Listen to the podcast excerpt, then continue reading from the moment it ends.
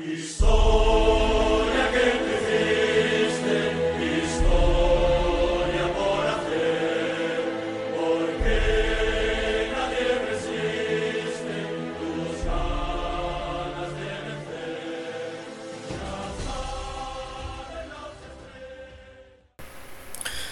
lytter, velkommen til endnu en ny podcastudgave af Madridbold, den øh, danske Real Madrid podcast. Øh, sidste gang jeg øh, satte mig bag mikrofonen her, der havde jeg øh, Mads Junker med, som øh, er ekspert på TV2 og øh, tidligere professionel fodboldspiller. Og vi fik os en fin snak omkring Real Madrid og ja, hans egen tidligere karriere. Øhm, men for første gang her i podcasten, jamen, der har jeg faktisk allieret mig med en Ja, ligesom mig selv, en stor Real Madrid-fan, og det er dig, Anas. Velkommen til. Tusind tak, Eddie. Uh, jeg tænker til vores lytter, som ikke kender dig særlig godt. Uh, kan du ikke fortælle lidt om dig selv, og hvem du er? Jo, det kan jeg godt. Øh, først og fremmest, øh, tusind tak for invitationen og for lov til at være med til det her. Det, det skal nok blive en rigtig god snak. Uh, men lidt om mig selv. Jamen, jeg, mit navn er Anas. Jeg er øh, 23 år gammel. Øh, jeg læser til dagligt øh, på CBS, hvor jeg bliver færdiguddannet til sommer med en kandidat, der hedder øh, Business Administration Information Systems. Øhm, så har et studiejob ved siden af, og så men til det vigtigste, tror jeg nok i forhold til den her kontekst, så er jeg kæmpe Real fan og jeg har fulgt Kongeklubben øh, siden 2006, øh, og det er primært skyldes det to årsager. Min, øh, min storebror er også kæmpe Real fan og det blev ligesom, øh, kan man sige, indoktrineret videre til mig. Øh, og så øh, mit klareste og tidligste minde omkring fodbold, det er det VM i 2006, hvor øh, Zidane øh, stadig øh, gjorde sig, og øh, jeg så alle Frankrigs kampe og husker bare ham bare klart, hvordan han hvordan han bare altså, brillerede med sit spil, og jeg blev helt betaget, og så kan jeg bare huske, at jeg spurgte, hvor er der ham, her spiller han? Så jeg ved, han spiller for Real Madrid, men at han godt nok øh, stopper sin karriere efter VM. Men så, altså, så var det nærmest bare 2 plus 2, og så, og så er vi her. Øh, mange, mange år senere, det, kærligheden til Kongeklubben er ikke, er ikke blevet mindre. Jamen, det, man kan sige, du er nogenlunde jævnaldrende med mig selv. Øh, du er måske lige to år yngre, men øh, hvad ja. det hedder... Øh, jeg husker også selv øh, helt klart øh, mit første VM i 2006, øh, med Zidane, der nikker den her skal, og øh, det der berømte billede, hvor han går forbi VM-trofæet, og man ved, det er slutningen på hans egen karriere. Ja, præcis. Øhm, øh, kan du huske, hvornår du sådan nogenlunde blev Real Madrid-fan så? Det var der, det var der omkring i 2006-7 sæsonen, var der, hvor jeg for alvor begyndte øh, at følge med øh, så småt. Og det var, det var noget af en begivenhedsrig sæson. Øh, og ligesom at lægge ud med, husker især for Nistrøg og hans mange mål i den sæson, og generelt de, de hav comebacks, vi lavede, øh, og hvor vi ender med at vinde mesterskabet sidste spillerunde øh, med sejren over Mallorca så altså i 2006 var der, hvor det startede, og så gradvist, så blev det bare mere og mere og mere øh, år efter år. Øh, og den dag i dag, der jeg misser aldrig en kamp. Altså, ja, det, der skal rigtig, rigtig, rigtig meget til, før jeg misser en kamp. Øh, det er... Det er, for, for mig er det, det fylder ekstremt meget øh, i mit liv, og det er en det, så, så det er for mig et must. Jeg skal, jeg skal sidde klar foran, uh, foran skærmen, når, når Kongeklubben spiller. Uh, så, men ja, 2006, det var, det var der, hvor det, det startede for alvor. Ja, jeg må sige, jeg hoppede så med på vognen lidt, uh, lidt senere, uh, fordi jeg kan huske, i min barndom, der var jeg lidt mere vild med uh, landsholdsfodbold dengang. Det var også noget ja. andet dengang. Men uh, jeg kan også godt relatere til det noget af det sidste, du siger, det der med, at øh, man skal sidde klar, når Real Madrid spiller. Og, øh, Absolut. Når man først man er ligesom blevet, øh, hvad skal man sige, afhængig af det, så, øh, så er det ligesom svært at holde op, ikke også?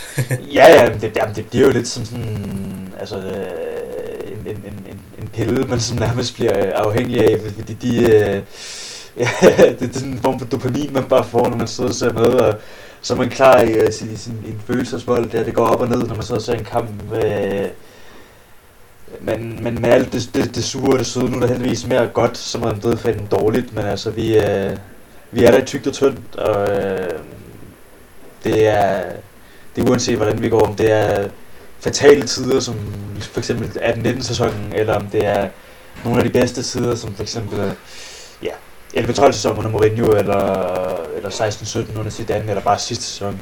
Øh, så er, så er man der. Så er man der uanset om det går, går, går godt eller dårligt. Er der en øh, bestemt spiller, som ligesom er din yndlingsspiller på holdet? Øhm, igennem sådan i, ikke på nu, nu, nuværende hold, men sådan i mere igennem øh, alt den tid, du har været fan? Alt den tid, jeg har været fan. Øh, nu kan jeg jo desværre ikke, altså min yndlingsspiller generelt er, er Zidane, men jeg har jo altså, som sådan ikke rigtig set Zidane øh, for Real Madrid. Det var, det, det, det var mere for Frankrig, så øh, mit, mit svar på det her spørgsmål plejer altid at være Zidane, men hvis jeg skal sådan øh, tage lidt mere over en Real Madrid kontekst øh, med, med spillere, hvor jeg for alvor kan sige, at jeg har set dem her fra Real Madrid, så vil jeg nok sige, at min, min, min favorit, øh, det må være Luka Modric. Luka Modric er min, øh, min favorit. Uh, yes. Uh, okay, du siger, du, uh, Luka Modric er din yndlingsspiller igennem historien hos Real Madrid. Ja, det, det, det, vil, det, vil, det vil nok være ham, jeg så vil pege på, fordi nok er Zidane min, min all-time favorit, men Zidane det er, det er jo primært på, øh, på VM-slutrunden i 2006.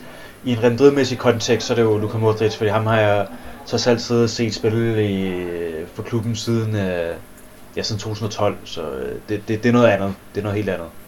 Det er en, man har fulgt lige over et årti, kan man sige. Okay. Øh, ja, og hvem der så lige er min Real Madrids yndlingsspiller, det kommer vi tilbage til lidt senere. Men øh, hvad så de bedste minde med klubben? Og det er Decima. Øh, der er ikke der er ikke noget der slår den den den glæde og den den rus man følte der da, da, da vi vandt øh, La Decima i, i 14 efter så mange år øh, 12 år helt præcis hvor man har gået og ventet på, på hvornår kommer nummer 10, hvornår kommer nummer 10. Og så kom den, og så, og så blev det, så blev det startskuddet på, øh, ja, på, på en, en epoke i klubbens historie, som vel kun øh, de Champions League triumferne i slut 50'erne, og start 60'erne kan, kan måle sig med. Øh, så vi kan pege på, på, på La Decima, og så hvis der er noget, der skal komme tæt på det, så, så er det faktisk sidste øh, Champions League sidste sæson. Ikke så meget finalen, men mere altså det, det, det run, vi havde til finalen, altså comebacket mod Paris, comebacket mod City, altså det, det er også nogle af de der momenter, hvor det, det, det er svært at sætte ord på det, og der, der er meget få ting, der kan, der kan måle sig med det, og at vi så gik hen og vandt turneringen i sidste ende, så gik det hele også op i en højere enhed, og så kan man sige, at det også var, at det, at det er sjovt nok begge triumfer med Ancelotti som træner, det er der også noget, øh, det er der også noget poetisk over, men øh, mit favoritmoment, det vil for altid være øh, La Decima i, i 2014. Ja, hvis du har hørt til nogle af de tidligere podcasts, jeg har lavet øh, episoder, så har jeg også nævnt La Decima som mit eget øh, højdepunkt i klubben. Det, det er klart, det er klart. Det, jeg, det tror jeg næsten er for alle. altså, efter, også for os, der har oplevet det i en, i en alder, hvor vi, øh, kan man sige, var i stand til at kapere, hvad det er, der foregik, og betydningen af det, så, så tror jeg langt, langt størstedelen vil pege på, øh, på La Decima som deres favorit.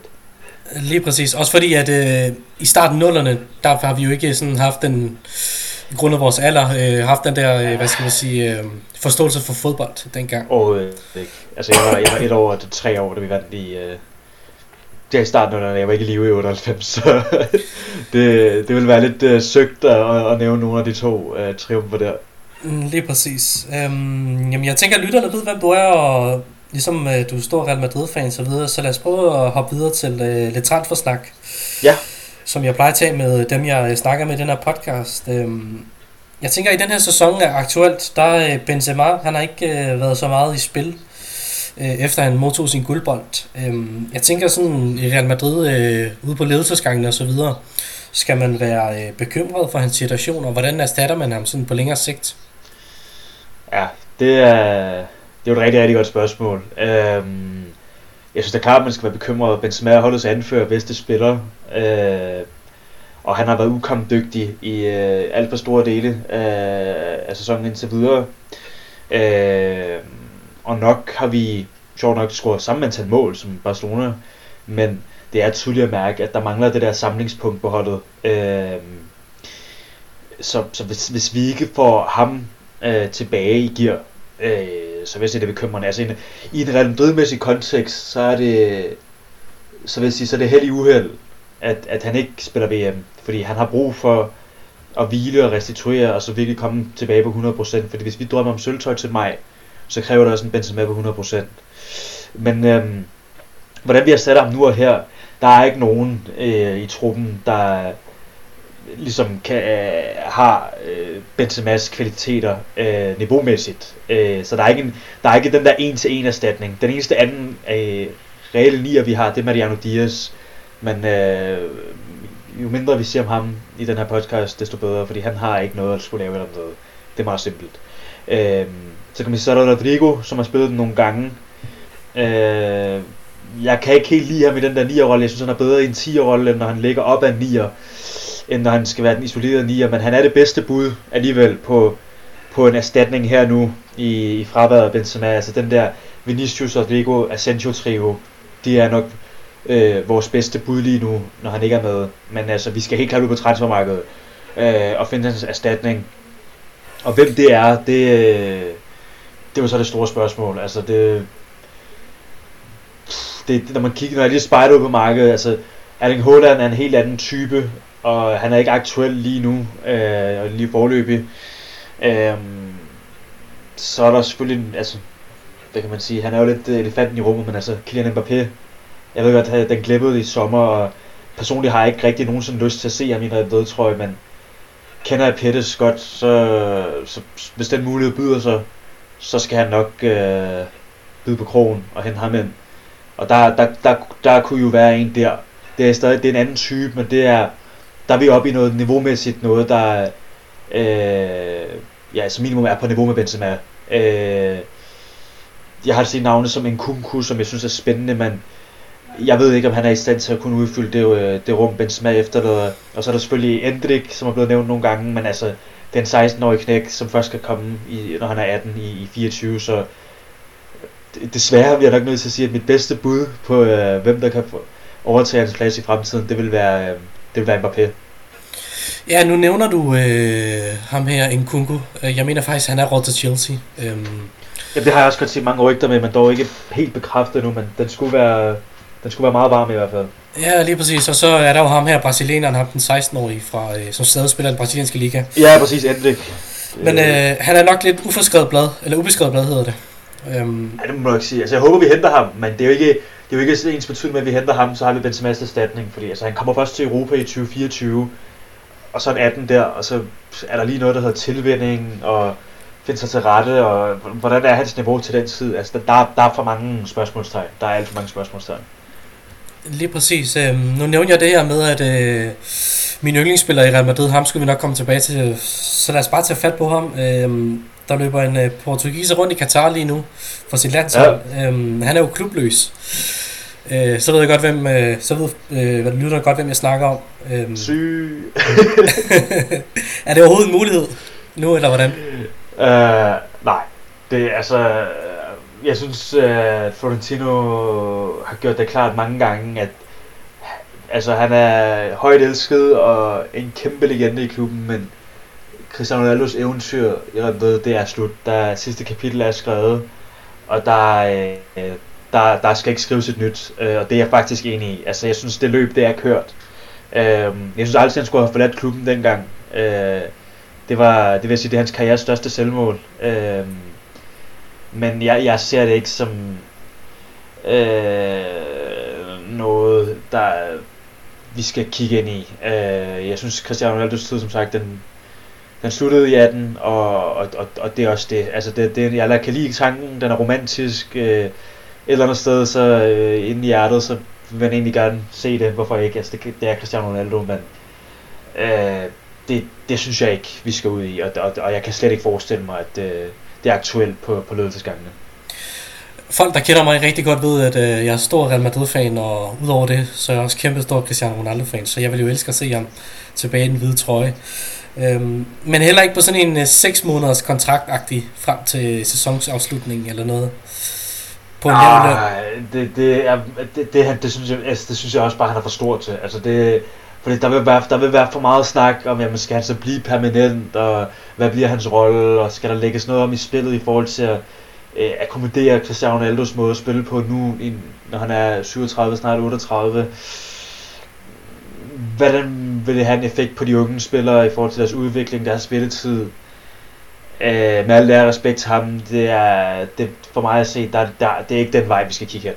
Det er ikke den vej, vi skal kigge hen. Det, for mig er det løb fuldstændig kørt. Og det har ikke så meget at gøre med øh, hans person eller hans niveau nu. Jeg synes bare ikke, det, øh, det, det, det, det er, for mig forbliver det bare ved en romantisk tanke. Det er ikke noget, jeg har ønsket at se effektueret i, i, en, øh, i en virkelig kontekst. Det, det er kapitel, jeg skrevet, som sagt. Det, det, det må jeg bare sige. For mig i hvert fald.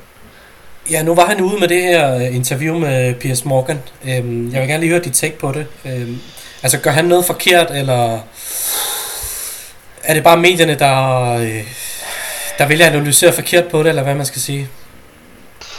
Det er vel, kan man sige, det, det ene behøver ikke at udelukke det andet. Øh, engelske medier synes jeg ofte er meget hårde i deres øh, retorik og deres behandling af alt, hvad der vedrører Cristiano Ronaldo. Øh, gjorde han noget forkert i interviewet? Øh, han hænger selvfølgelig sin træner ud, kan man sige, på det andet tidspunkt, øh, Erik Ten Hag, men da jeg hørte det interview, og da jeg så de, øh, de udtalelser der, så vidste jeg også godt på en eller anden måde, at okay, det, han, er, han er væk til januar, så det er derfor, han, det er det noget, han har været indebrændt og holdt inde med, og så nu, nu lukker han det bare ud. Øh, der var som sådan ikke noget, der overraskede mig, altså ved den sag, altså enhver kan se, at Manchester United er en klub, der, der bliver kørt øh, fuldstændig forkert. Øh, det, det, alt, alt, alt kan man også bare se på deres resultater siden Ferguson øh, forlod klubben i 13. Altså det, det var en sænkende skud, og øh, de, de har absolut intet udrettet siden øh, 2013. Altså vi er jo tæt på 10 år nu uden en Premier League titel, flere år, hvor de ikke er med i Champions League. Øh, de har ikke vundet trofæ generelt, men det sidste fem år eller noget stil. Så han sagde ikke noget om Manchester United eller deres ejere, som, er noget, som, som jeg tror, nogen bliver stødt over. Det, det er måske mere måden, han hængte sin træner ud på, og så han måske også mangler lidt selverkendelse i forhold til, at han nok ikke, altså, og det, og det er svært med en mand med hans ego, men altså, han er ikke så god, som han måske tror, han sad er. Øh, for det, det er også faktum, at han er ikke, han er ikke på det niveau, øh, han, i hans, som han i hans eget hoved nok tror, han er på. Øh, så gjorde han noget forkert, det kan man godt argumentere for, men jeg synes, jeg, jeg synes generelt, der er en agenda imod ham i engelsk presse, som, som er lidt, øh, ja, til tider for usmagelig. Men altså, det... Øh, jeg, jeg, jeg, gav, jeg, jeg kiggede ikke så meget i et interview for at være ærlig med dig. Altså det, som sagt, han har jo fortid i en Madrid-mæssig kontekst. Jeg, havde set no, jeg har set nogle udtalelserne. Han taler også lidt om klubben i forhold til det her med innovation og, og nytænkning og, og hele tiden vil udvikle sig sammenlignet med United, men ellers ikke rigtigt. Der var ikke, der var ikke rigtig noget i det interview, jeg føler, der overraskede mig. Øh, så ja, det må jeg bare sige. Der, der var ikke noget i det, der overraskede mig. Nej, men så lad os øh, lade Cristiano Ronaldo være fortid i, i hvert fald i Real Madrid. Øhm, så må vi se, hvor han så går hen efter det her VM. Ja, øhm, saudi måske. Måske. Det, ja, det bliver spændende at følge med i hvert fald. Øhm, ja, helt klart. Hvor, øh, hvor ser du Real Madrid egentlig forstærke sig mere, for lige at runde øh, det her transfersnak af? Øhm, Altså, vi har nævnt det her med 9'er-positionen, men er der egentlig noget andet altså, i truppen, som der mangler? Jeg vil klart sige, at vi har en venstreback-situation, som er kritisk. Øh, men de synes jeg, da han kom til klubben, der var jeg, der, jeg kendte ham på navn, men ikke rigtig sådan spillemæssigt. Jeg var som hver anden, der må ligesom bare indrømme, at jeg havde på YouTube så en video og tænkte, han ser mega spændende ud rent offensivt, øh, og habil rent defensivt. Det viser sig så, at han var et defensivt monster, men han har glemt alle sine offensive takter i, i Lyon. Øh, og de er også blevet gradvist dårligere i forhold til hans første sæson til nu. Altså han giver virkelig ikke noget til offensiven. Det er, det er skræmmende lidt, der kommer derfra. Og når man er kommet fra øh, hvad, to og et halvt år med Marcelo og Roberto Carlos, så er det noget af en omvæltning. Og hans mange skader, synes jeg egentlig også, øh, har sat øh, et præg på hans, på hans niveau i forhold til, han, han virker ikke længere så fysisk overlegen, og så dominerende rent defensivt, som han tidligere har været. Og så er du også hele tiden lidt i tvivl om, altså går han i stykker igen, går han i stykker igen. Øhm, Alaba har vist, at han, han er ikke længere venstreback, han er midterforsvarer. Så øh, der render en gut rundt i Rayo Vallecano det, med navn Frank Garcia. Han viste sine kvaliteter mod os, og han har været i klubben i syv år, mener jeg det var. Han har en der for førsteholdsdebut altså, vi kan hente ham tilbage med for 5 millioner euro. Det er for mig en no-brainer at hente ham ind. Så fordi venstrebakken synes jeg klart skal forstærkes sammen med angrebet. Øh, men det, det vil være den anden position, ud over 9 position, som jeg vil kigge ind i, øh, i en forstærkning til. Men er det ikke også bare Real Madrid-fans, der er blevet lidt for, hvad skal vi sige, forvante med en for offensiv øh, tilgang til venstre bak i forhold til uh, Roberto Carlos før min tid, og så Marcelo, dengang jeg begyndte at følge rigtig med i det. Uh, er, er, er, falder er han ikke en, bare en anden type, som egentlig bare fortolker venstre bakken på en anden måde? Han er jo heller ikke brasilianer, kan man sige. Nej, det, og han skal heller ikke være Marcelo eller Roberto Carlos, det, det er heller ikke fair at forvente det, men, men, men det er også Real Madrid, og når du har vi er forvandlet som Real Madrid-fans, og vi er skide hammerne forkælet. Det, det er bare sådan, det er, men vi er også verdens største klub, og vi er vant til at se verdens bedste spillere, så vi har også de største standarder og forventninger. Øhm, for mig at se, var han ikke et problem i sin første sæson, øh, men problemerne startede, vil jeg sige, i sæson 2, hvor han for alvor også blev ramt af mange skader og mange længere skader, øh, og, og der føler jeg bare, at hans niveau øh, tog et alvorligt dyk. Og, og jeg synes også, at problemet bliver gjort lidt større af, at om end Cavaral synes, jeg har fundet et rigtig habilt niveau, og jeg er en enorm elsker af Dani Cavaral, øh, så har han ikke det samme offensive input heller, som han også havde, kan man sige, præg hans, øh, præg hans hjerteproblemer. Så når, når du har to backs, som ikke øh, giver dig det store rent offensivt, så synes jeg, du har et problem. Altså i moderne fodbold, så er, er bakkerne bare ekstremt vigtige. Øh, og det er ikke længe siden, at vi havde Cavajal og Marcelo, som bidrog med over 30 mål, altså mål og sidst øh, til sammen fra ja. bakpositionerne. Så jeg forventer ikke, at vi skal have en Marcelo, men omvendt, så der er også noget i et, i et mellemlag mellem Marcelo og Mendy offensive kvaliteter, og der synes jeg en som Frank Garcia er, er en no-brainer, også fordi han kan hente så billigt. Han er, han er ung, øhm, og så, øh, og så altså, skulle det gå galt i anførselstegn, så kan man altid sælge ham videre for, for profit. Men øh, jeg synes, det er no-brainer en risikofri handel øh, at hente ham ind. Altså for mig ser det ikke et problem, at Mendy er mere defensivt anlagt. Det er mere et problem, at hans spil generelt, både defensivt og... Altså hans offensiv impuls er ikke eksisterende. Hans defensiv spil er, er ikke længere på det samme niveau, som det tidligere var. Øh, og så er der hans skadeshistorik, som, som bare er bekymrende. Øh, så alt det akkumuleret, så synes jeg, at det er øh, oplagt, at der skal hentes en højre bak, og øh, undskyld, en venstre bak, og der er en på markedet, som er oplagt og bare skriger på at blive hentet. Så det er derfor, jeg vil sige, at vi skal forstærke den position. Jamen, jeg deler gerne din, øh, din holdning til dels. Øhm, det bliver i hvert fald spændende at følge med i, øh, så meget kan jeg sige. Øhm, lad os prøve at tage et... Øh, vi lavede, jeg fik lavet sådan en... Øh, en karakteruddeling af spillerne øh, for det her halve sæson, de har spillet indtil videre. Ja. Øhm, så nu bliver det sjovt at se, om øh, vi har ramt rigtigt med karaktererne i forhold til, øh, til de forskellige spillere. Mm. Øh, vi kører med syvtrinskalaen. Den kender vi. Yes, lige præcis. Vi har selv været den igennem nemlig. så, jeg, er, jeg er stadig. ja, lige præcis, det er også. Så øhm, men uh, lad os bare starte på målmandsposten. Uh, jeg har, det skal lige siges, jeg har valgt at undlade nogle, uh, nogle navne i forhold til spilletid og så videre. Så det er ikke alle, ja. der kommer med på listen i, i truppen. Men uh, jeg kan godt tænke mig at starte med vores uh, ukrainske uh, reservekeeper. Han har jo fået lidt spilleminutter i den her sæson. Ja, uh, Lunin, ja uh, jeg vil gerne høre, hvad karakter har du givet ham? Jeg har givet Lunin et, et syvtal. Uh, jeg synes, det spil, han viste, var, var overmiddel og, og habilt. Uh, han havde måske lidt, øh, lidt, lidt, lidt startvanskeligheder, men vel, jeg synes, han blev lidt hårdt klandret for nogle af de mål, han indkasserede.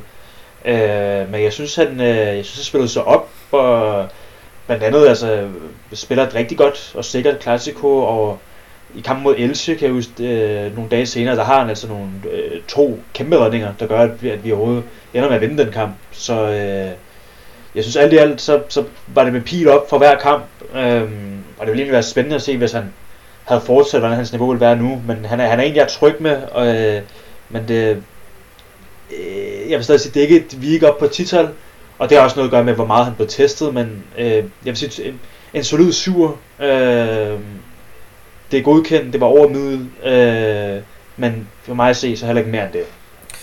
Ja, jeg har også øh, givet karakteren 7 til ham. Øh, jeg synes, at... Øh, jeg er forholdsvis rolig i forhold til, at han ikke spiller særlig meget. Øhm, når han så får chancen, jamen, så skal han jo også ligesom gribe den, og det synes jeg faktisk, han har gjort til næsten til perfektion.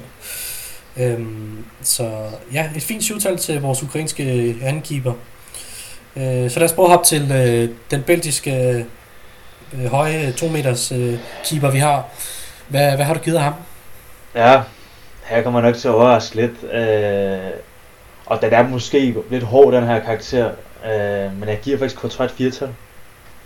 Ja. Øh, for mig ser Courtois verdens bedste målmand. Øh, og jeg holder ham til ekstremt høje standarder. Og jeg synes, det spil, han har vist, man kan sige fra Galatasaray ude i 1920-sæsonen til, jeg vil sige, måske starten af den sæson. Øh, det var, altså det var tronhøjt, men jeg synes, han har haft en del svipser i den her sæson, øh, og vist noget usikkerhed, og var efter nogle spørgsmålstegn, som man bare normalt ikke associerer med ham. Altså han har selvfølgelig haft sine kæmpe også i den her sæson, øh, og det skal ikke forstås på den måde, at det ønsker ham erstattet eller noget af den stil. Jeg synes bare, at han har været langt fra det vanlige topniveau, han viser. Jeg synes, der har været en del gange, hvor man har tænkt, ah, Courtois, den der, den, den redder du jo normalt. Altså, mod Cardis, det mål Cardis scorer, det er jo Courtois skyld. Øh, mod Rayo, synes jeg, han var, var usikker. Jeg vil også sige, det, det 2-2 mål Rejo får, der, det, det vil jeg også læse øh, Courtois for den. Øh, der i Leipzig, der så han heller ikke for godt ud, og der, der, der er bare flere af de der eksempler mod Atletico Madrid i derbyet. Jeg synes bare, der var flere eksempler på, på nogle svipser og noget, og noget manglende koncentration, som jeg håber var, fordi hans fokus var på VM. Øh, så vi må se på den anden side, men altså, det, det bliver ikke til et 4 for mig, og det er fordi, jeg holder ham så til ekstremt høje standarder, at, at det bliver et firtal. Ja, jeg har også øh, givet ham fire, så øh, indtil videre rammer vi rigtigt på øh, ja, alle de samme øh, spillere. Øhm, jeg synes også, at han indkasserer lidt for mange mål i forhold til øh, den høje stand, standard, han øh, gav i sidste sæson. Øhm, og så også det her med, at han har de her, øh, hvad skal vi kalde, børnesygdom øh, som han ikke havde sidste sæson, hvor han... Der har været nogle blønder, som vi ikke har set i lang, lang tid i hvert fald. Lige præcis. Øhm, men vi kan håbe på, at han er jo færdig for VM nu, så øh, ja. måske han til til efteråret øh, blomster op igen på det der to niveau, han lavede. Det må vi håbe i hvert fald. Det vil Courtois på sit vanlige niveau her i, for, i løbet af foråret, det er, det er alt for mega. Fordi altså, han er, han er, altså, han er point, han er pointværd, når han er på sit bedste. Lige præcis. Øhm, lad os bare hoppe videre til højre bakken så. Øh, Carvajal.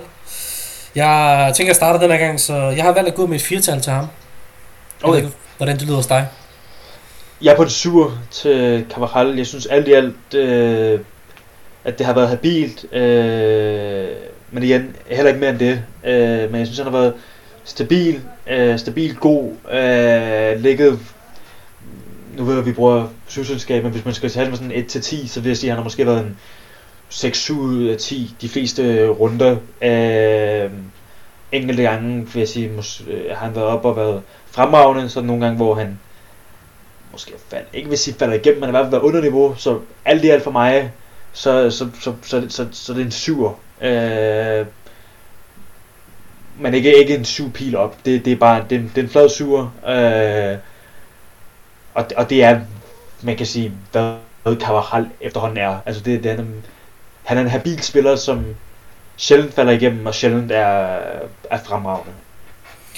Ja, øh, jeg har så valgt at gå med firetallet, fordi jeg synes, at øh, han til dels i nogle kampe bliver lidt for meget udfordret i forhold til, at øh, han egentlig burde være bedre øh, i sine øh, enmandsaktioner.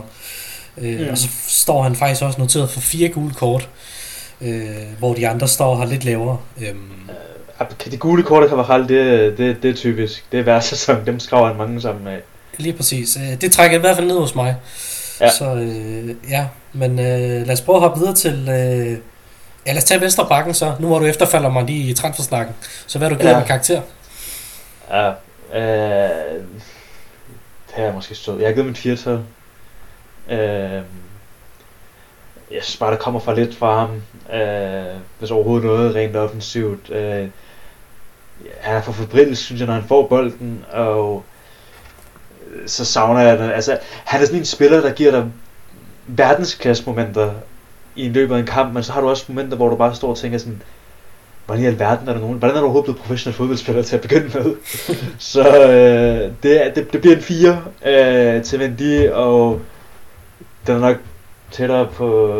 Ej, det, ej vi er ikke på 0-2, men det, det, er, det, det, det er lige hårdt nok, men det, det er en 4, og det er ikke en 4, der er tæt på et 7-tal, lad mig sige det sådan. Jamen, øh, jeg har faktisk gået med et øh, 0-2 øh, til Mondi. Du skal igennem. ja, men øh, som du selv nævner lige før, så, øh, så har han nogle gange de der vanvittige driblinger, hvor han, øh, han sætter to-tre mand, øh, hvor man tænker, hvad fanden er det? Men øh, ja, han, øh, han virker lidt for ustabil i denne sæson. Så jeg vælger faktisk at bare lade ham bestå, og så, øh, så er det egentlig bare det. Ja, jamen, du det, det, det, jeg kan godt komme med på 0-2, det er nok. Han modtager også øh, tre gule kort, øh, så han, han skraver også lidt, lidt for mange gule kort til sig i hvert fald. Ja. Øh, så lad os gå videre til øh, vores brasilianske midterforsvar, Militao. Ham, du, ham. Øh, Skal jeg starte? Ja, det må du godt.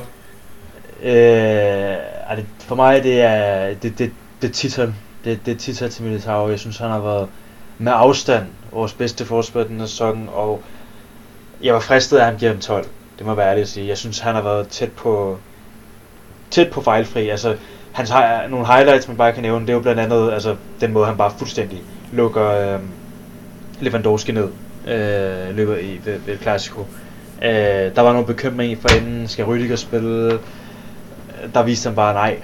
Han, han, er, han, er, han, er, han er noget af en chef efterhånden, og han, han skal bare spille, og han, ja, det, den udvikling, han har gennemgået, siden han kom ind på holdet i, i slutningen af 2021-sæsonen til nu, det er helt utroligt. Og, øh, der er ikke, øh, for mig at sige, det er 10-tal med pil op øh, til Militao. Fremragende sæson, og han har lagt mål på os, og det, det er pisse fedt, fordi øh, ja, blandt andet sidste, sidste, sidste kamp mod Cardis, øh, Morayo scorede også mod Getafe, da vi vinder der øh, 1-0. Øh, han, han var virkelig god sidste sæson til at vinde ekstremt mange hovedstødstueller, også i, altså både defensivt, men også offensivt. Men der mangler bare præcision. Øh, den har han fundet i år. Øh, og da, han er en fornøjelse øh, at følge, og uden ham, så, altså vi har i forvejen lukket mange mål, som vi også snakket om. Uden ham, så tror jeg næsten, vi har været på, det dobbelte. Men øh, et, et, et stort tital med pil op til Sigurd Militao fra, fra mig. Jamen, øh, jeg har faktisk også givet ham 10, og øh, jeg har noteret ned, at øh, han har spillet 16 kampe, og han har scoret 3 mål, og øh, kun fået et enkelt gult kort. Og så, ja. øh, så minder han mig også som en, ja, en, en Pepe faktisk, øh, bare lidt bedre og ja, jeg kan se, hvad du mener. yngre. Øh, og så, øh, ja, bedre til at styre sig i hvert fald, må man sige. Han er, for en spiller, der er så aggressiv, så er det imponerende, at han kun har fået et gult kort. Ja, og så er han også imponerende øh, dygtig til at være markant stærkere end sin, øh, sin modspiller, øh, når han skal forsvare. Ja, det er jo det, er det, det, er det. Ja, han er, han er bumstærk, han vinder alle sine dueller, han er en vanvittig atlet i det hele taget. Øh, men ej, altså Militao, det, det, man er næsten fristet at give ham en 12 som altså det 10 pil op, 10 pil op til, til Eder Militao. Yes, så lad os gå til hans øh, makker, Alaba. Øh, ham var jeg fristet at give 12-tal, men øh, jeg er inde på et 10-tal. Så øh, han spiller stort set næsten alle kampe. Vi husker alle sammen hans, øh, hans mål mod øh, Almeria. Øhm, oh, ja. Det flotte frisparksmål, han laver. Øh, 21 kampe, to mål. Han modtager tre gule kort. Øh, det er så faktisk derfor, jeg vælger at rykke ned på et tital for hos ham, fordi jeg synes, han måske har været lidt for ustabil i forhold til, hvad hans høje niveau har været i seneste, øh, sidste sæson. Ja. Øhm, så jeg ved ikke, hvad du har givet ham. Ja, øh, jeg må indrømme, jeg, jeg, jeg, jeg endte med, med, med faktisk med en sur, og den er igen på den hårde side, men det er fordi, altså, hør, jeg elsker David Alaba, det er, jeg har sjældent set en anden spiller blive hentet ind, og så bare fra dag et, bare sige, hør, jeg hører til her, og jeg, jeg er chefen her, og han har taget den fire, nummer 4 på sig med, med stil, øh, og med autoritet, og med enorm klasse. Jeg synes, han startede sæsonen nærmest fejlfrit, men jeg synes, han har virkelig lidt, øh, lidt øh, vildledt og lidt fra sig selv her i slutningen. Og jeg ved ikke, om det er alt den her VM-feber, selvom Østrig ikke engang skulle til VM, men det, det, øh, jeg synes, at der virkelig mangler noget fokus her øh, i de sidste kampe af sæsonen, og fordi jeg holder ham til så høje standarder, så ender jeg med, med en 7'er. Men jeg synes, en 10'er er, er fair, men fordi jeg bare har de høje forventninger og standarder til ham, så, så må jeg indrømme, at det, det ender med en 7'er øh, til Alaba for, for mig. Yes, fint. Jamen, øh, så lad os øh, har videre til øh, en tysker, Rüdiger. Hvor ligger du på skalaen hos Sam? Jamen, Rüdiger synes jeg øh, all in all også har været øh, ganske abil. Øhm, det er, det, den er gået meget igen, den her karakter, men jeg, jeg gav dem syv. Men, øh, og det er også måske fordi, han har ikke spillet så meget igen, som man måske havde regnet med. Altså han har ikke, man kan jo ikke sige, man kan sige, hvis Ancelotti skal stille sit, sit, sit bedste hold i, i hans optik, det er han ikke en del af. Øh, det, og det er for en spiller af hans kvalitet, og med den navn han har, der, der må det for ham at se nok være en, en, en skuffelse. Øh, og det, det, det, det synes jeg også spiller ind i min karaktergivning, at han, han er faktisk ikke i stand til at presse sig ind øh, på A-holdet.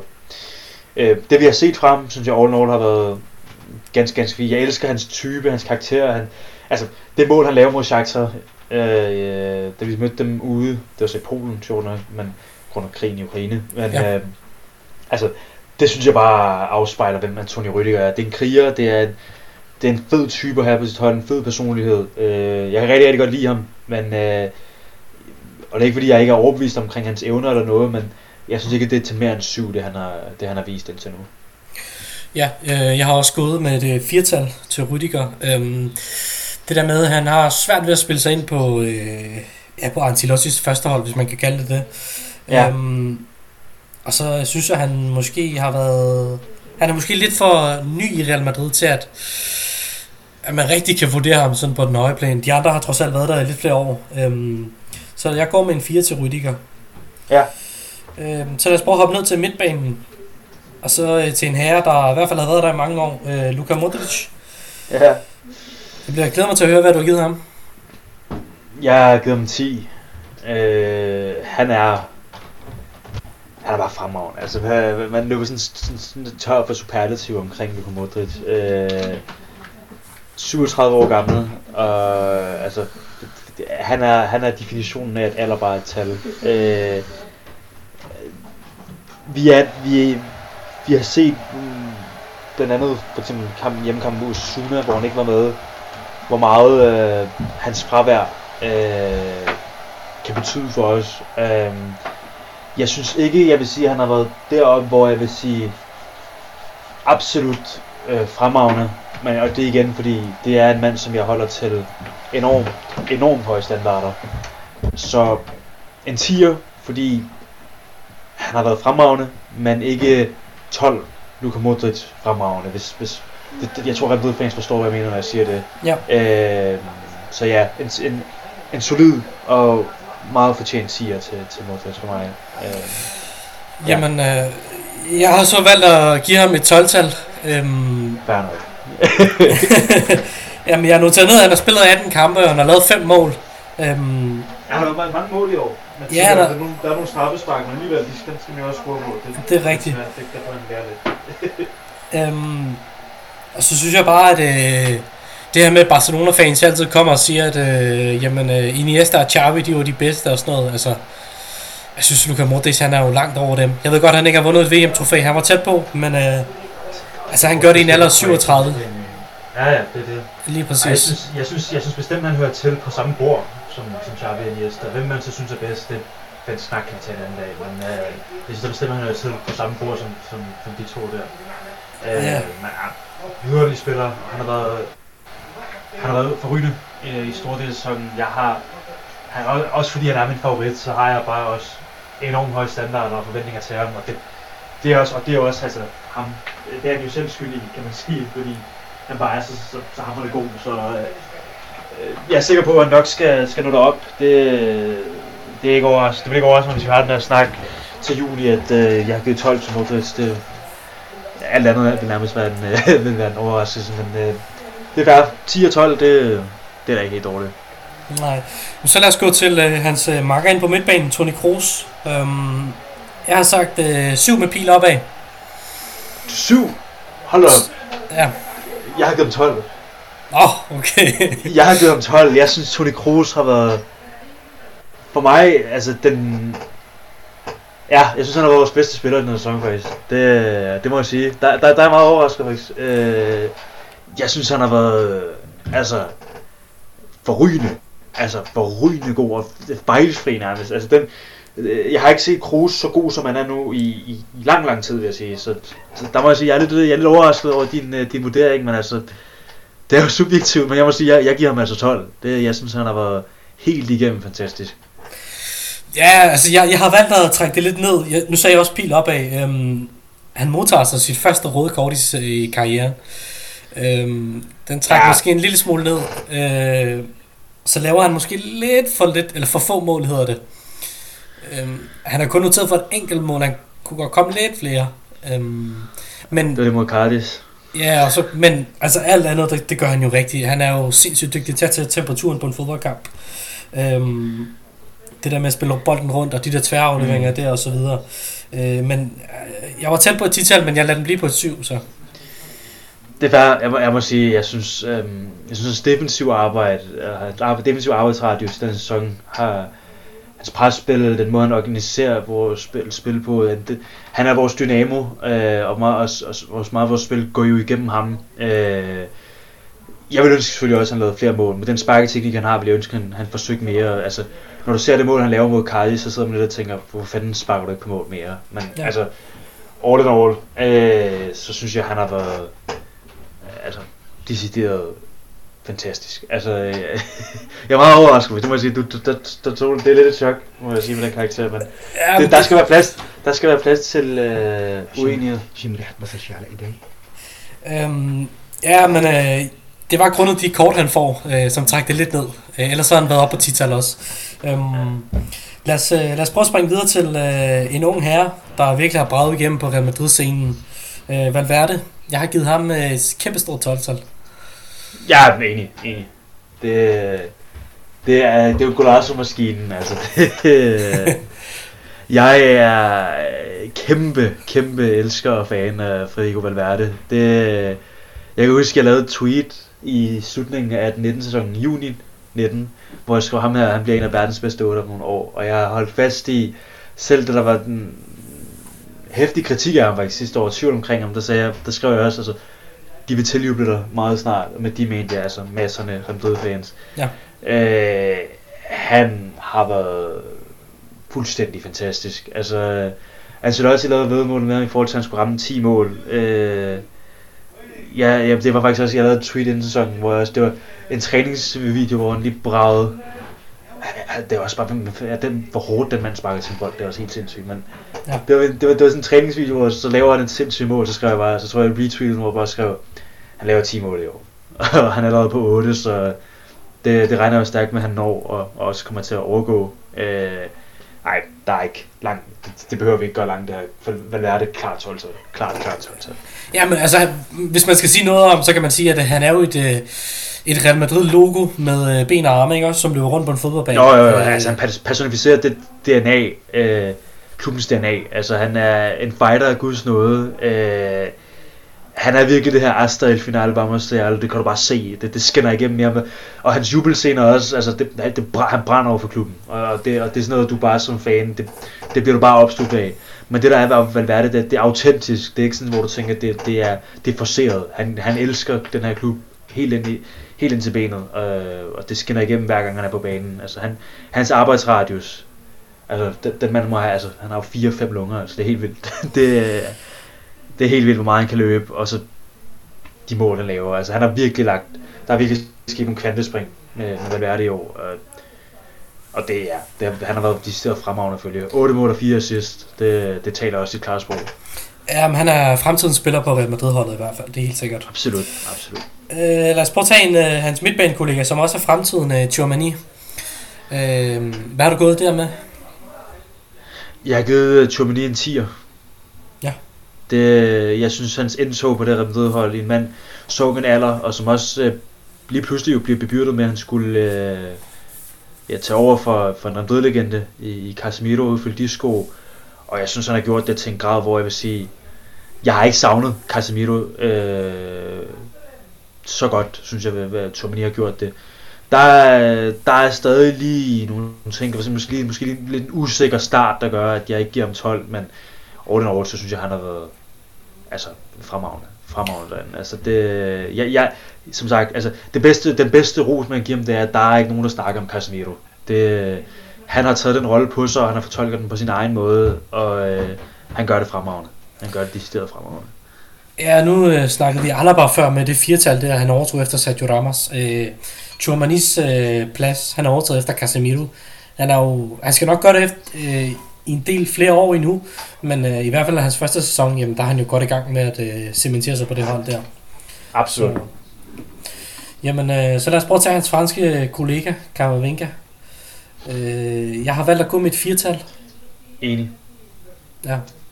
Der er jeg enig. Og jeg synes selvfølgelig, det skal, der skal man jo lige have med, at Kammervenga er en meget, meget ung spiller. Der er, der er spillere på holdet øh, med enorm kvalitet, han, han, han dyster med. Altså, selvfølgelig hans landsmand Turmini, men også særligt Modric og, og, og Kroos, øh, der vil være det.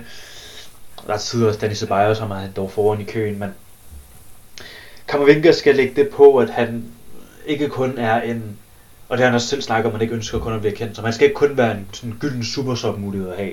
Ja. Han skal kunne dominere kampe fra, fra første moment, når han som, som starter. Det skal ikke kun være, og det, har, og det skal også være de kampe, som mod hold, der, der pakker sig, for dem har vi bare mange af. Der skal han også kunne være effektiv. Øhm, men jeg er tålmodig med ham, og jeg er sikker på, at han nok skal blive en kæmpe succes. Øh, og jeg er sikker på, den kritik, der må være af ham lige nu, den skal nok øh, forstøbe. Altså, det, vi, vi, det er en 20-årig spiller, øh, vi skal være tålmodige med ham og lade ham udvikle sig og give ham den tid, øh, det også kræver. Øh, men jeg er sikker på, det, det, det, at Kammervenga nok skal øh, komme kom tilbage på, på nogle af de takter, vi så, vi så i slutningen af sidste sæson, og så øh, også på sigt, hvor vi ser det, det niveau der fra start, øh, fordi hans, hans loft i forhold til, hvor, hvor, hvad han kan nå og hvad han kan blive til, det er ekstremt højt. Så øh, jeg er ikke bekymret for Kammervenga, men vi skal også være objektive. Det vi har set i forhold til den her sæson, det, det er ikke til mere end et firtal. Nej, jeg tror også, det han skal gøre op med sig selv, det er, at han skal finde ud af, hvad er det egentlig, han er god til. Øh, hvad er hans rolle på det her hold. Øh, fordi når han starter inden, jamen, øh, så virker det som om, at han er lidt for ivrig i forhold til, at han ved alt muligt. Øh, ja, og, så når han, og så når han kommer ind fra bænken af, jamen, øh, så virker han som den enormt dynamiske spiller, øh, som er dygtig til at tage temperaturen på fodboldkampen, øh, dygtig til at drive bolden fremad. Øh, så måske han skal finde ud af, hvad det er, han egentlig er, sådan, er rigtig god til, og så ligesom stå fast ved det. Fordi han er udenbart ikke en 6'er, han er mere, markant mere en 8'er. Øh, så det er bare mere, at han skal ligesom på fodboldbanen kunne formidle den 100%, før det han kan blive en rigtig dygtig etableret spiller. Mm. Øhm, ja, jamen lad os springe til angrebet så. Øhm, og lad os starte med øh, Vinicius. Øh, den glæder mig til at høre, hvad du har givet ham. Vinny Junior får et tital af mig. Øh, det gør han, fordi der gik lidt for meget cirkus og show og brokkeri og tuderi i den, efter al den her palaver op til derbyet. Altså før det, der synes jeg, han var... Altså, de har brugt det her over rigtig meget, men det, det, det går lidt igen fremragende. Ja. Øh, men derefter synes jeg, at hans spil blev, altså, der synes jeg bare, han manglede fokus. Det blev for meget, han, ville, han ville hele tiden diskutere med dommerne, og han skulle dømme kampene selv lige pludselig, og og så blev det også, jeg, jeg elsker jo spillere, der udtrykker sig og dribler, og det er ikke det, men han begyndte at drible på tidspunkter, hvor du tænker, hvad laver du? Altså, de steder, hvad laver du? Øh, og, og, og, det blev for ineffektivt, og det blev, det blevet for meget show og for meget, at han vil prøve at provokere sine modstandere. Jeg synes, der er en debat at, at, at tage op i forhold til, at han beskytter nok af, af dommerne, for det synes jeg bestemt ikke, han er.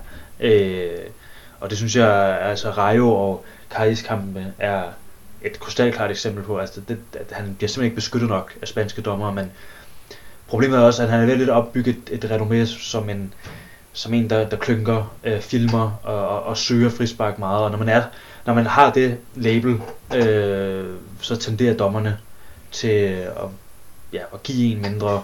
Så øh, jeg har været positiv omkring det, jeg har set frem for VM, hvor det har været mere fokus på hans fodbold.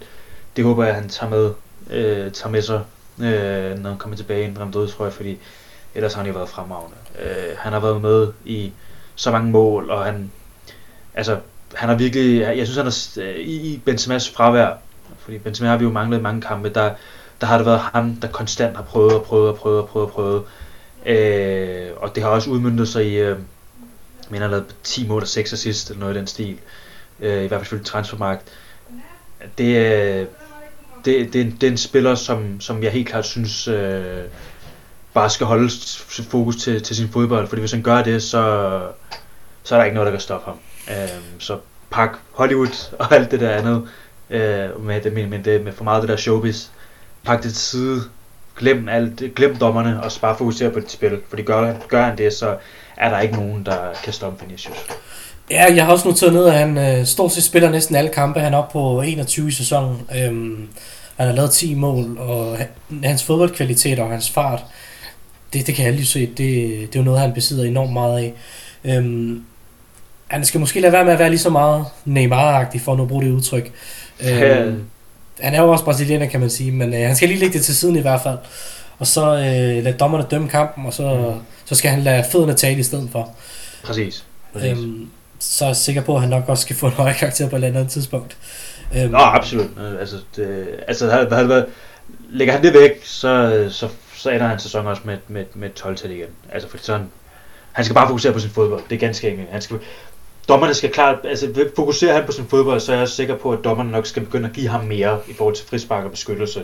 Øh, så, så, så, det er bare en mand her, der skal fokusere på sin fodbold, og så, for som sagt, så, så er der ikke nogen, der kan stoppe Vinicius, så er han for god, for hurtig og for, for eksplosiv til, at der er nogen forsvar, der kan, der kan håndtere ham over 90 minutter.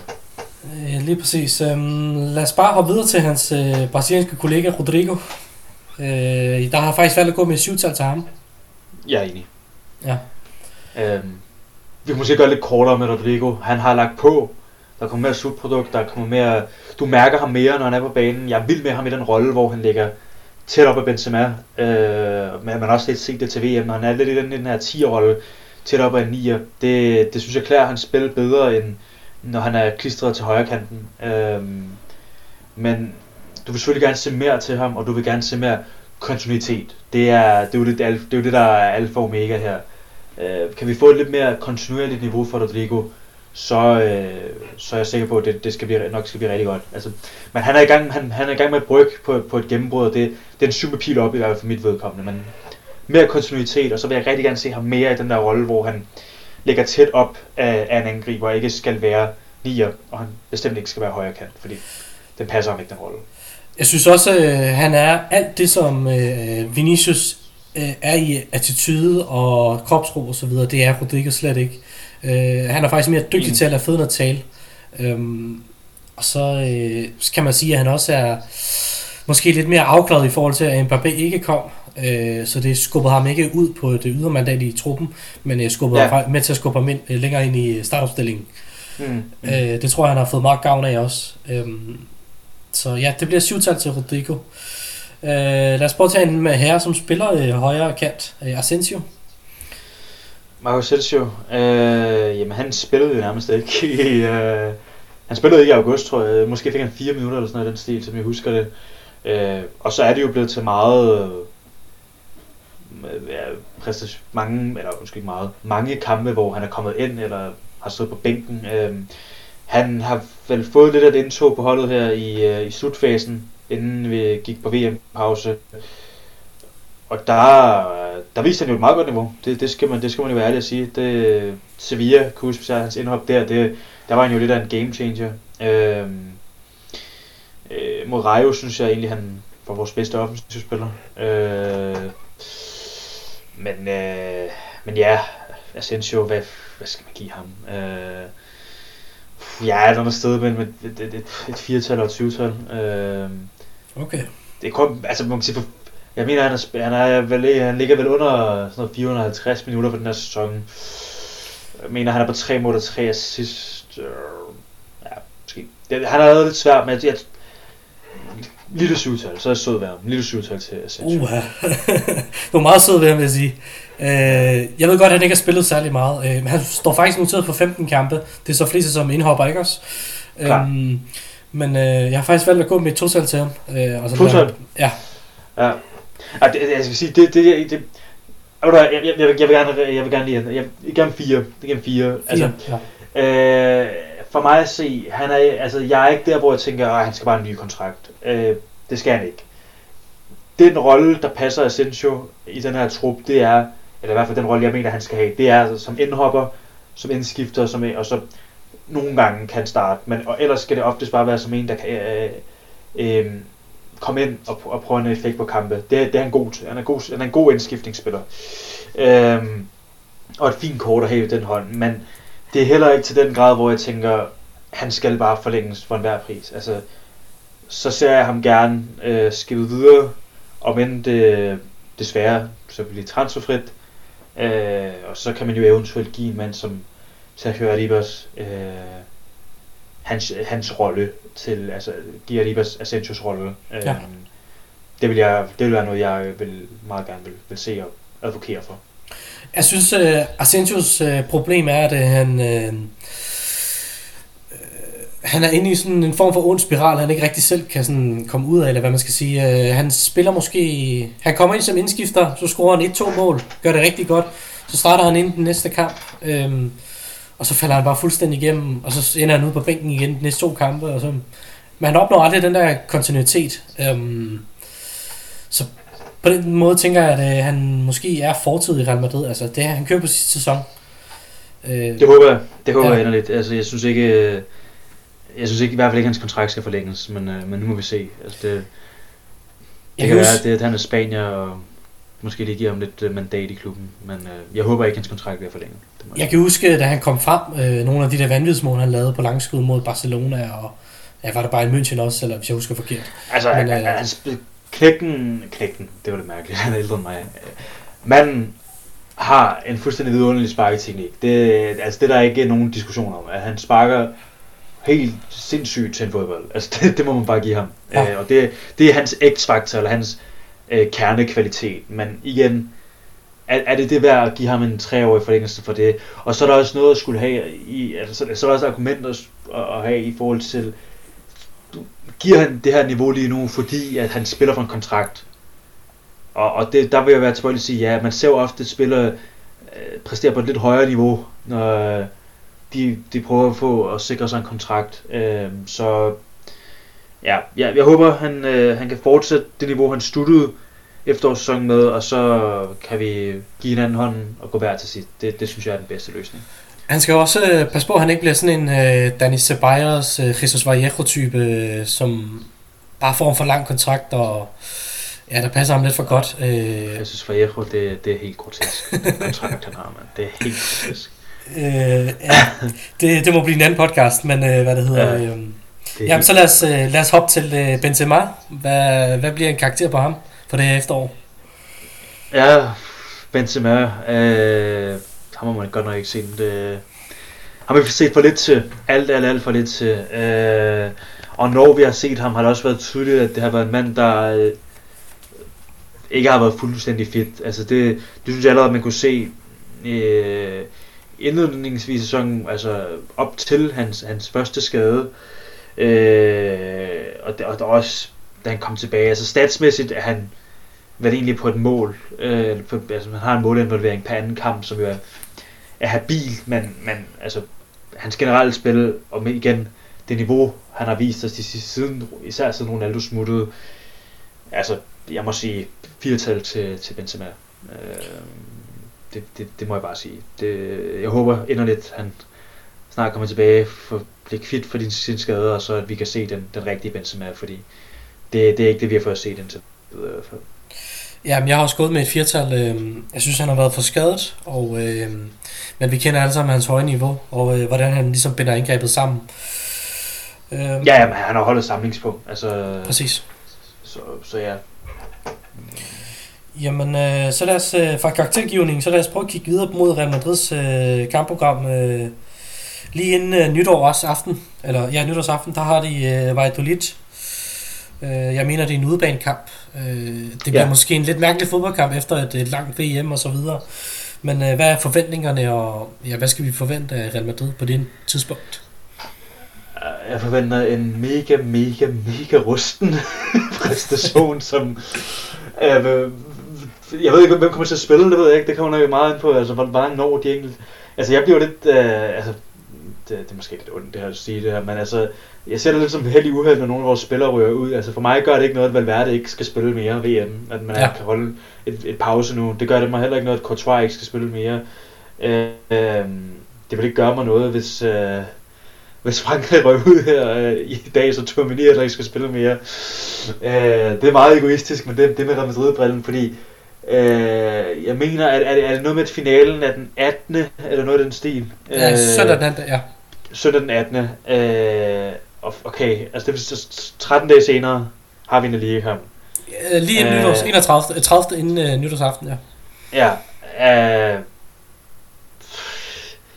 lad os bare antage, at, øh, jamen lad os bare sige, antage, at Brasilien når dertil.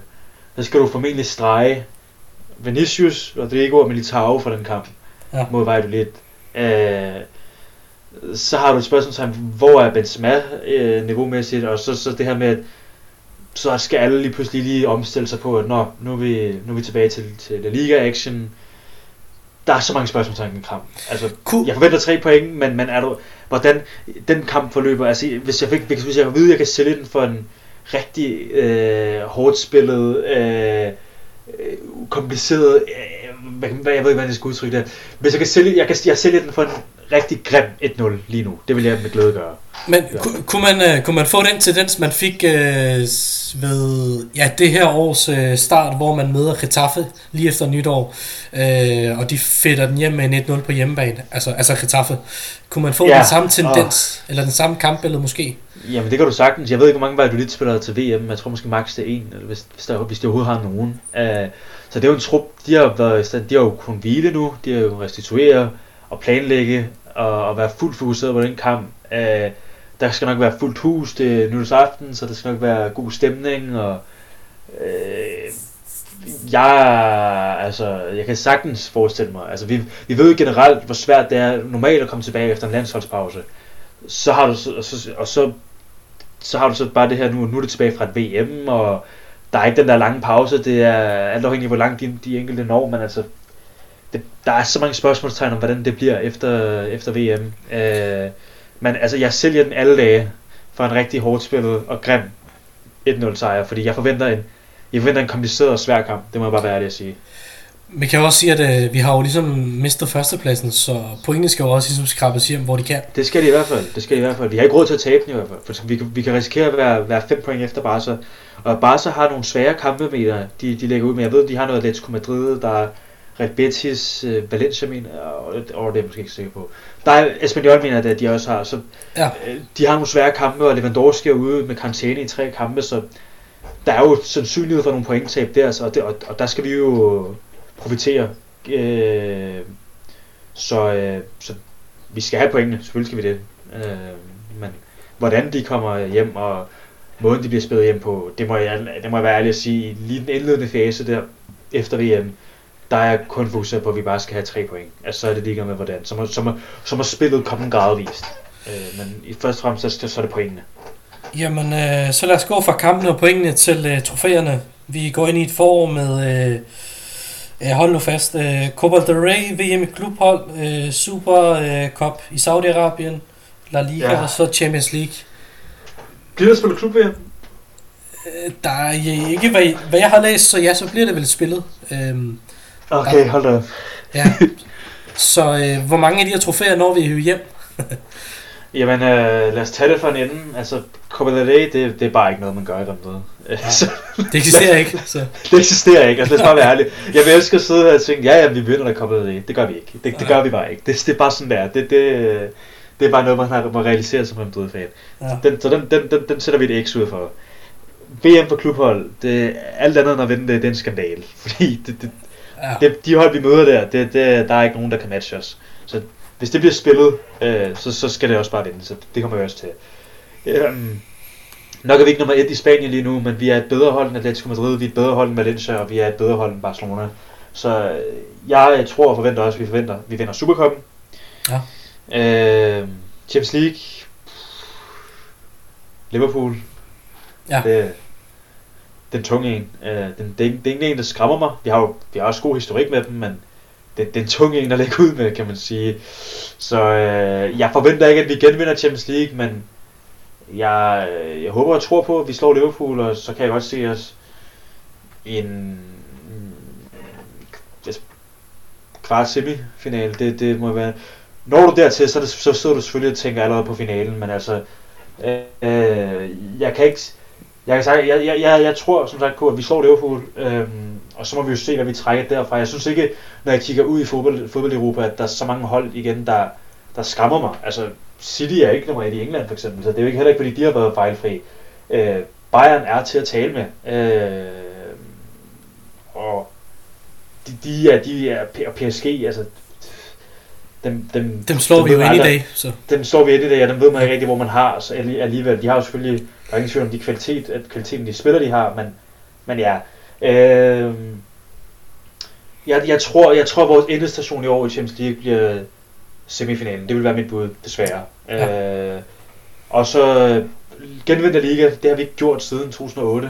Øh, da vi vandt i 7 og 8 der med henholdsvis Capello og Schuster. Øh, det tror jeg på, at vi gør i år. Øh, jeg tror, at vi genvinder Liga. Øh, Barcelona har fået mange point, øh, og også mange point, som de ikke burde have fået. Øh, og så kan man sige, at de vinder de der grimme sejre, som et mesterhold også skal have, og alle de der klichéer. Jeg tror, der er, de var heldige også, vil jeg sige, i forhold til skader. Altså, jeg ved godt, at jeg mener, Araujo har haft nogle skader, men ellers synes jeg generelt ikke, de har haft det store med skader til min erindring. Øh, Nej. det kan godt være, at jeg bliver slagtet for den her kommentar af nogle Barcelona-fan, der måske ved mere. Øh, men altså, ja, øh, jeg er spændt på at se, hvordan de gør det uden Lewandowski. Der, det, det tror jeg, at de vil, vil vise sig, at de, de kommer til at tabe nogle point der. Øh, og så, så må jeg også sige, altså, jeg, jeg tror, efter 38 kampe, så, og hvis vi får Benzema tilbage på, på sin 100%, og Courtois på sit vanlige niveau, så tror jeg endelig, det vil lykkes, lykkes os at vinde La Liga igen. Så øh, vi genvinder Liga, vi vinder VM for klubhold, Supercupen, vi vinder ikke Copa del Rey, og jeg tror heller ikke, vi vinder Champions League. Jamen, øh, det var meget fint. Lad os lige tage en lille afrunding her til sidst. Øh, kom, får vi lov til at se en eller måske flere øh, Real Madrid-spillere vinde øh, VM-trofæet? Øh, ja, det gør vi. Ja, Vi får lov til at se tre. tre simpelthen. Jeg tror, Brasilien vinder, vinder VM.